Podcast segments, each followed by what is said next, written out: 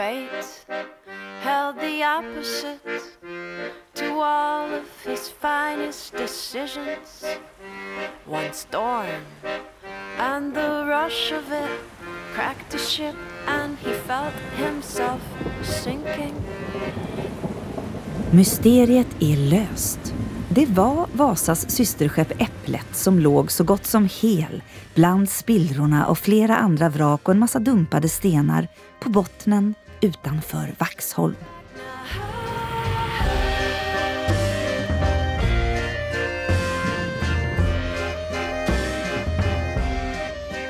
Vi har ju letat förutsättningslöst då, men så när jag och Patrik kom ner där första dyket så här kom vi ner då ligger skeppssidan med dubbla kanondäck och intakta kanonportar. Det var ett enormt vrak. Först var man ju bara glad att vi hade hittat ett vrak. Dök det upp en skrovsida där, för mig det var babordssidan då. Och, och liksom den växte och växte då, för fören ligger ju in under den här stenhögen. Och växte och så blev det mer och mer massivt och kände så här, oj då. Och, och, och, ju längre akterut vi kommer desto högre då och mer komplett blir fartyget. Och så ser vi den här skrovsidan som ligger nere med kanonportarna. Mm. Det var väl det första dyket och då var det så här wow. Fick vi ändå magkänslan. Vi såg lite detaljer där, skeppstekniska detaljer som vi liksom tyckte vi kände igen någonstans. Och det var ju då sen på Vasa. Vrakmuseets marinarkeologer Jim Hansson och Patrik Höglund om känslan att träffa på marinarkeologiskt guld. Du lyssnar förstås på podden från Vrak, Museum of Rex. I det här avsnittet om fyndet av örlogsskeppet Äpplet. Det var kring Lucia 2021 som Vrakmuseet i samarbete med marinen hittade ett ganska välbevarat vrak som skulle kunna vara Äpplet. Men säker gick det inte att vara. Ett par år tidigare hade samma förhoppning väckts då man på en annan plats utanför Vaxholm funnit två liknande vrak. Men dessa visade sig vara de 50 år yngre örlogsskeppen Apollo och Maria. Alla de här fynden är en del i arbetet i det pågående forskningsprojektet Den glömda flottan, Sveriges blåa kulturarv 1450 till 1850. Men nu, nu var det alltså fullträff. Ett systerfartyg till det världsberömda Vasaskeppet. Att det verkligen förhåller sig så, det visar både arkivunderlag och olika resultat av noggranna undersökningar av skeppskonstruktion och skeppsvirke. Med hjälp av så kallad dendrokronologisk undersökning visade det sig att eken som använts hade huggits 1627 vid Ängsö slott mellan Enköping och Västerås, på samma plats som Vasas virke något år tidigare.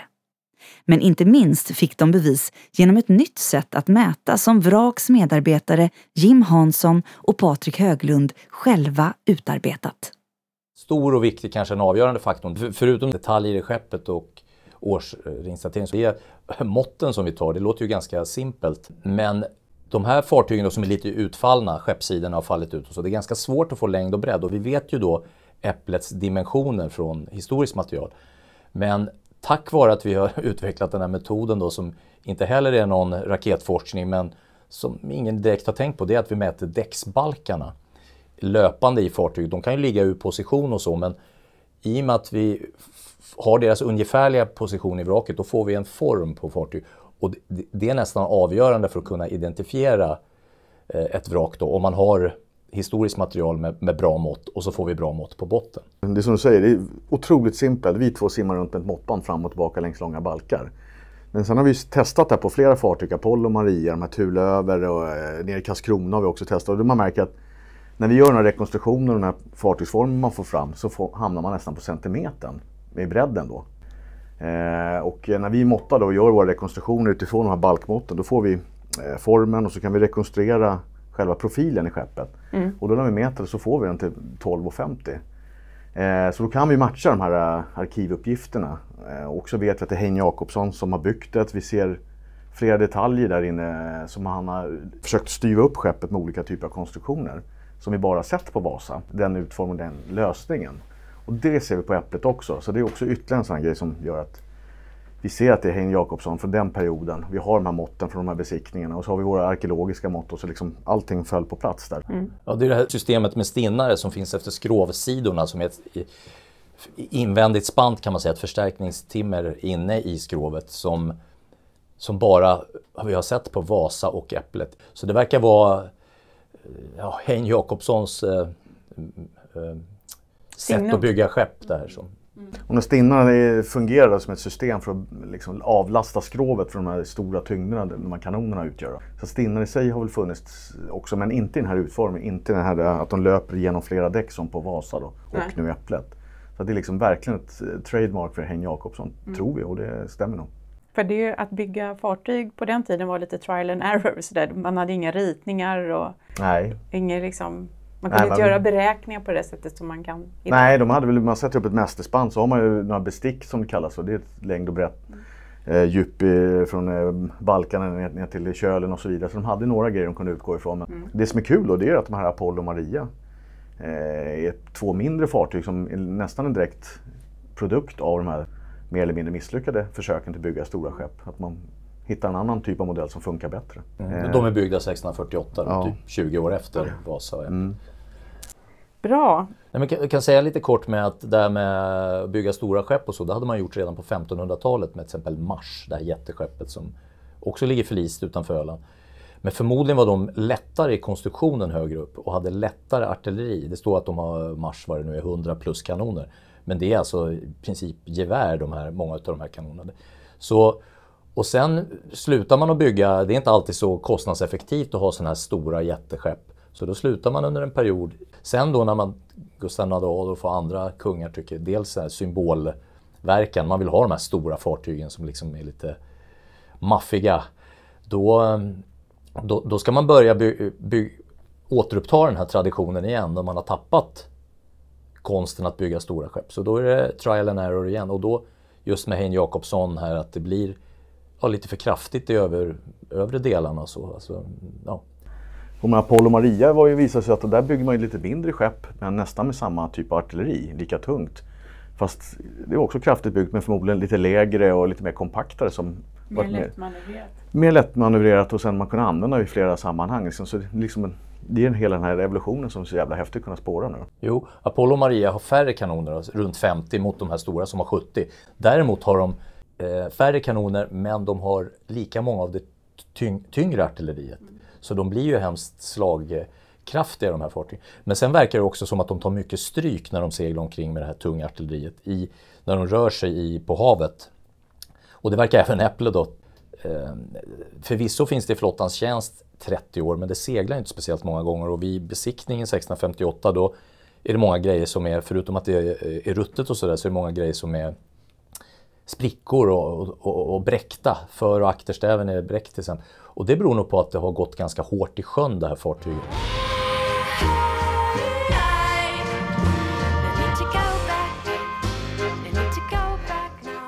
Ja, 30 år var Äpplet i tjänst efter sjösättningen 1629.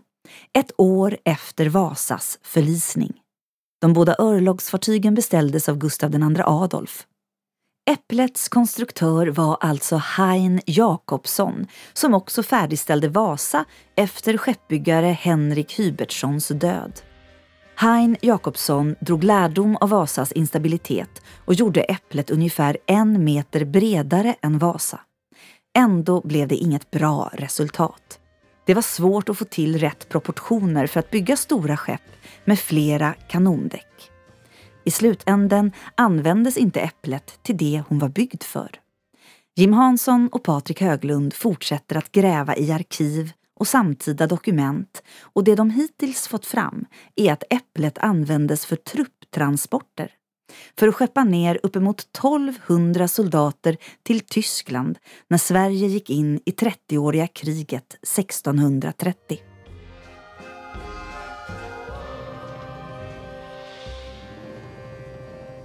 Målet med de här dykningarna vi gjort först och främst är ju liksom verifiera vilket vrak det är. Så att nu börjar liksom alla de här frågorna. Eh, vad är det som är likt Vasa eller vad är det som är olikt? Så nu kan vi göra liksom gemensamma insatser för att ta reda på liksom den här epoken och man försöker lära sig att bygga de här stora skeppen. Ni återkommer till dokumentation och arkiv. Och hur, hur mycket finns det från den här tiden och hur kan ni använda det? Det är Riksarkivet och Krigsarkivet och sen finns det ju lite på andra ställen men det kan ju finnas i utländska arkiv och sådär. Eh, och sen beror det på vad man ska läsa. Ibland måste man ju eh, syssla med det som kallas för närläsning. Att man läser till exempel brev från riksamiralen Carl Carlsson Gyllenhielm till kungen eller till någon annan amiral, till Axel Oxenstierna kanske, som hamnar, handlar om något helt annat. Men i en passus i brevet kan man se, som det här 1631 när vi får reda på att Äpplet är ute och letar efter drottningen vars skepp har försvunnit då i en eh, ond och svår storm, tror jag de sa. Ja. sånt där. och så letar man efter henne då man ska ner till Tyskland och, och drottningens skepp har försvunnit. Så då ger man sig ut, då blir ju riksamiralen lite nervös att han har slarvat bort kungens fru helt enkelt. Och så hittar man henne på Öland, hon har hoppat i land och, och tagit skydd för att det var... Fyra dagar senare, så då... men då var Äpplet och tre andra fartyg ute och letade då efter henne. Det är ju sådana roliga grejer man kan stöta på men som vi är långt ifrån färdiga med. Sen finns det ju sådana bestyckningslistor och bemanningslistor hur mycket kanoner som ska vara bord och hur mycket folk. Men de är ofta planer gjorda kanske tidigt på året. Till exempel finns det en för 1658 och då vet vi att äpplet var helt ruttet och i princip utdömt. Men ändå har man gjort en plan för bemanning och bestyckning. Så det gäller ju att veta, har den här planen blivit verklighet eller inte? Ja, det är ju sådana här också, när Vasa och Äpplet står samtidigt som du hittade. Ja, ja, det har varit känt också. Men det finns ett eh, man tror ju att, äpplet ska, man tror att man ska få klart Äpplet till sommaren 1628. Samtidigt med Vasa då, att de ska kunna segla och eh, lägga sin beredskapsskador vid Älvsnabben. Men Äpplet blir ju aldrig klart i år. Ändå finns det en bemanningsplan och en plan för vart hon ska förläggas då.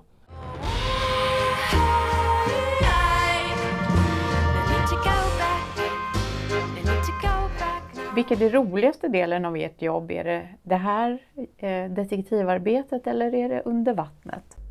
Jag tycker detektivarbetet hänger med under vattnet. Det börjar egentligen där, mm. tycker jag. Sen är det liksom, jag vet inte, det är lika roligt när man börjar rita, skissa, på, sitter och suddar och håller på och sen börjar man se vad som händer där och sen börjar titta i arkiven. Som du säger, man upptäcker att det är så många bitar som faller på plats och som man behöver då för att mm få till det. Det räcker liksom inte bara med en datering eller ett mått eller hitta ett brev utan det, det är så mycket som måste till. Mm. Och det är liksom, jag tror det är hela den här resan, eller processen som är skitkul. Men, men det börjar ju oftast under ytan som när vi kommer ner och ser att det är två kanondäck. Fan, då pirrar det ju till lite där nere i mörkret. Mm. Nej, men, och så det här utvecklingen, metodutvecklingen, den här enkla med att mäta balkar. Så att vi har utvecklat det och liksom lite sån här enkel metod, att vi, att vi gör det snabbt. För när vi är på botten då, alltså det är viktlös och stort balt vrak och sådär. Men vi, vi, måste ju vara effektiva med. Ner snabbt som tusan, samla information, vi har ju kort tid på botten, samla information, filma det vi kan, eh, mäta det vi kan och upp. Så, alla bitar är ju roliga ja, på, olika, på, olika, sätt. Och det är väl också någonting jag har lärt oss. Liksom. Bör, att man bör, vad är det vi ska titta på egentligen? Man måste ju ha liksom ett syfte med det man håller på med och det har vi också utvecklat för att få de här ja, relevanta. relevanta måtten för att kunna hitta spårare i arkivet. Och vi har ju bara snitt 20-25 minuter på de här djupen nere på botten. Så det är kort tid och det är mörkt och det är ett par, tre, fyra meter sikt kanske. Förutom att eh, ni kommer att lära er mycket nytt om skeppsbyggnad och sånt, vad mer lär man sig eh, av ett sånt här fynd? Ja, man kan väl förstå också samtiden. Varför bygger man de här skeppen och varför eh, vill man att de här ska utvecklas och sådana saker också. Och un under den här tiden, speciellt 1620-30 då är ju Sverige den här stormaktsuppbyggnaden Lejonet från Norden, det är ja. en stor lansering av kungen. Liksom. De här skeppen är ju helt vitala, alltså eh, kanske inte just de stora, men flottan överhuvudtaget är ju helt vital för att det här Östersjöväldet ska kunna hålla ihop. Man ska kunna skeppa trupper fram och tillbaks. Man ska kunna stå emot en eventuell fiende som kommer ut på Östersjön, danskar eller holländare eller ryssar senare. Så flottan är ju ja, det är den största utgiftsposten som staten har vid den där tiden. Den, man satsar stenhårt på flottan. Och så ser vi de här svängningarna då i stora skepp. Eh, inte så bra under en viss period under 30-åriga kriget när man mest håller på med trupptransporter och sånt där. Då, det är då man satsar mer på de här medelstora skeppen. Sen senare igen när det blir att möta danskar och holländare i strid och när de kommer med stora skepp då måste man svara det från svenskt håll och då bygger man stora skepp igen.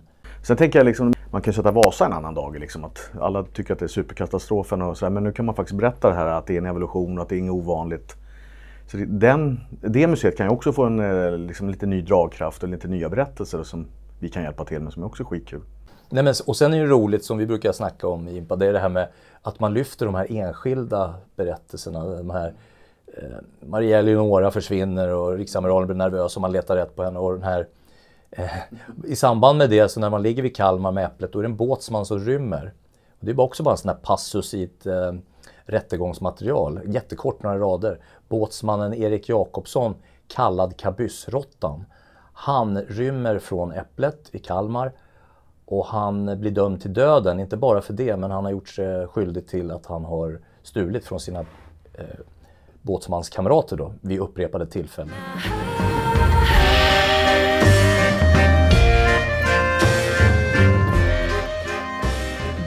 Lämnar vi Vrakmuseets marinarkeologer Jim Hansson och Patrik Höglund och poddproducent Estrid Holm. Jag som berättade heter Tuva-Lisa Rangström. Men innan det här avsnittet av museets podd är helt slut vill jag berätta lite mer om fyndplatsen utanför Vaxholm. Där ligger, som ni hörde inledningsvis, flera vrak på sjöbotten. Det beror på att Gustav Vasa var orolig över att det lättnavigerade sundet mellan Rindö och Värmdö skulle bli en smitväg för danskar eller ryssar som ville ta sig in i Stockholm utan att passera kungens nyuppförda fästning på Vaxholmen. Under 1600-talet sänktes avsiktligt flera kända örlogsskepp i sund och leder kring Vaxholm som hinder. Enligt arkiven är Äpplet, Kronan och Skepter tre av dem och där lär de få ligga kvar. Men på Vrakmuseet kan du titta på de trästycken som bärgats för att användas vid åldersbestämningen, alltså ett av bevisen för att vraket utanför Vaxholm verkligen är Vasas systerfartyg Äpplet. Och med det har det blivit dags att säga hej då.